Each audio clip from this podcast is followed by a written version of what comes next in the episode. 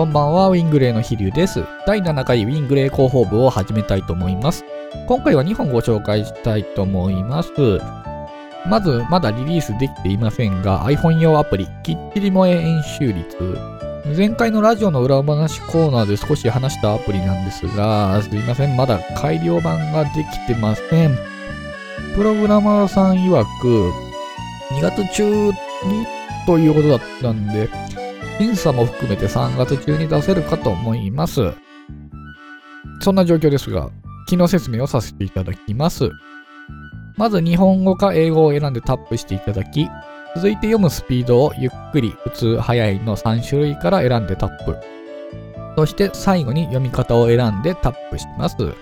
読み方はノーマル、セクシー、萌えの3種類あり、選んだ読み方によって読んでくれるキャラクターも変化します。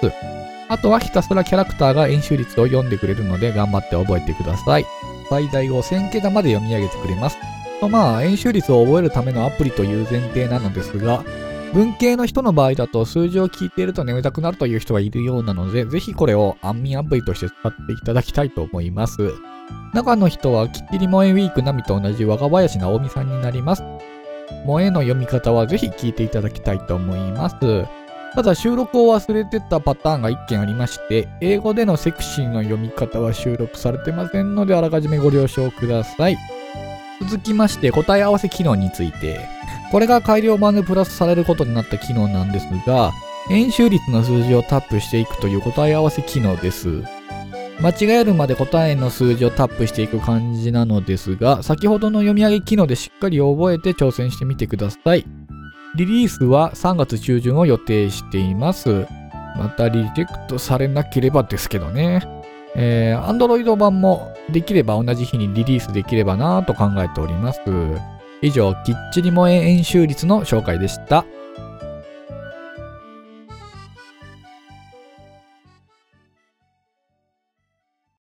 あなたの生活をサポートするきっちり萌えウィークナミ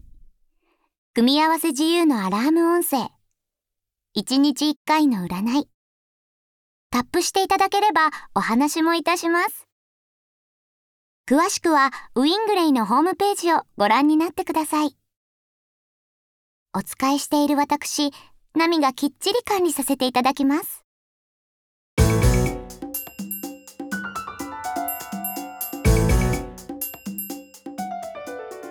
次にご紹介するのは、先月 Xbox インディーズでリリースしました忍者スニーキング2です。システムが改良されパワーアップしました忍者スニーキングです。ステージ1から3とカオスステージの計4ステージあります。ステージごと設定されている目標タイム以内にクリアすると、次のステージが選択できるようになってます。前作との大きな違いとして、敵に見つかってもそのエリアからやり直しができるようになりました。ただ見つかった後そのエリアから再開するとタイムがプラス10秒追加されます。敵を倒してしまってもタイムがプラス5秒追加されるので敵を倒さず見つからずクリアしてください。今回はストーリーとしてくのいちの姉がさらわれたと聞いて助けるためにからくり屋敷に潜入するというお話になっております。ステージ3を F ランクでクリアした後に一応エンディングも用意してあるので頑張ってクリアしてみてください。えー正直ステージ1から3は練習ステージだと思ってます。カオステージが本番な感じです。やり込めばちゃんと早いタイムでクリアできるので S ランク目指して頑張ってください。あと1と違ってキャラクターのサイズが4分の1になっております。容量を増やさず長く見せるための苦肉の策だったりします。というわけで以上、忍者スニーキング2のご紹介でした。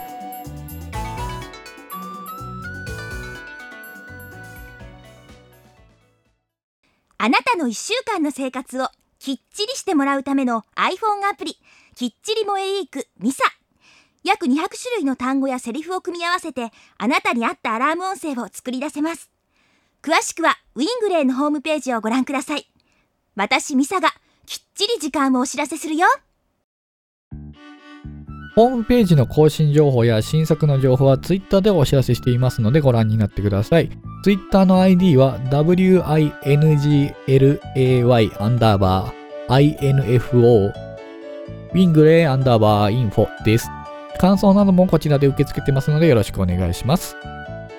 それでは今回の裏話のコーナーに行ってみたいと思います。まず、きっちりも演習率のご紹介をなぜリリース前にしたかということですが、前回の裏話のコーナーでも紹介したボーカルアルバムの発売が3月に控えているので、3月のラジオはボーカルアルバムの紹介だけしたいというこちらの都合だったりします。このボーカルアルバムについてですが、収録している今、このラジオですね。している現時点で参加メンバーが確定していないというなかなかシビアな感じになってたりするんですが、まあ、紹介ページが公開できるのは3月入ったあたりになるんじゃないかなと予想しております。アルバムのタイトルですが、明るく元気な曲を詰め込んだので、聴いて笑顔になってほしい CD です。長いですね。ジャケットが文字だらけになりそうな予感です。また来月のラジオで詳しく紹介したいと思います。続きまして、Xbox Indies について。えー、1個制作が進んでたんですが、ボーカルアルバムの制作もあって一時中断しております。アルバムが発売されて落ち着いたら制作再開しようかと思ってます。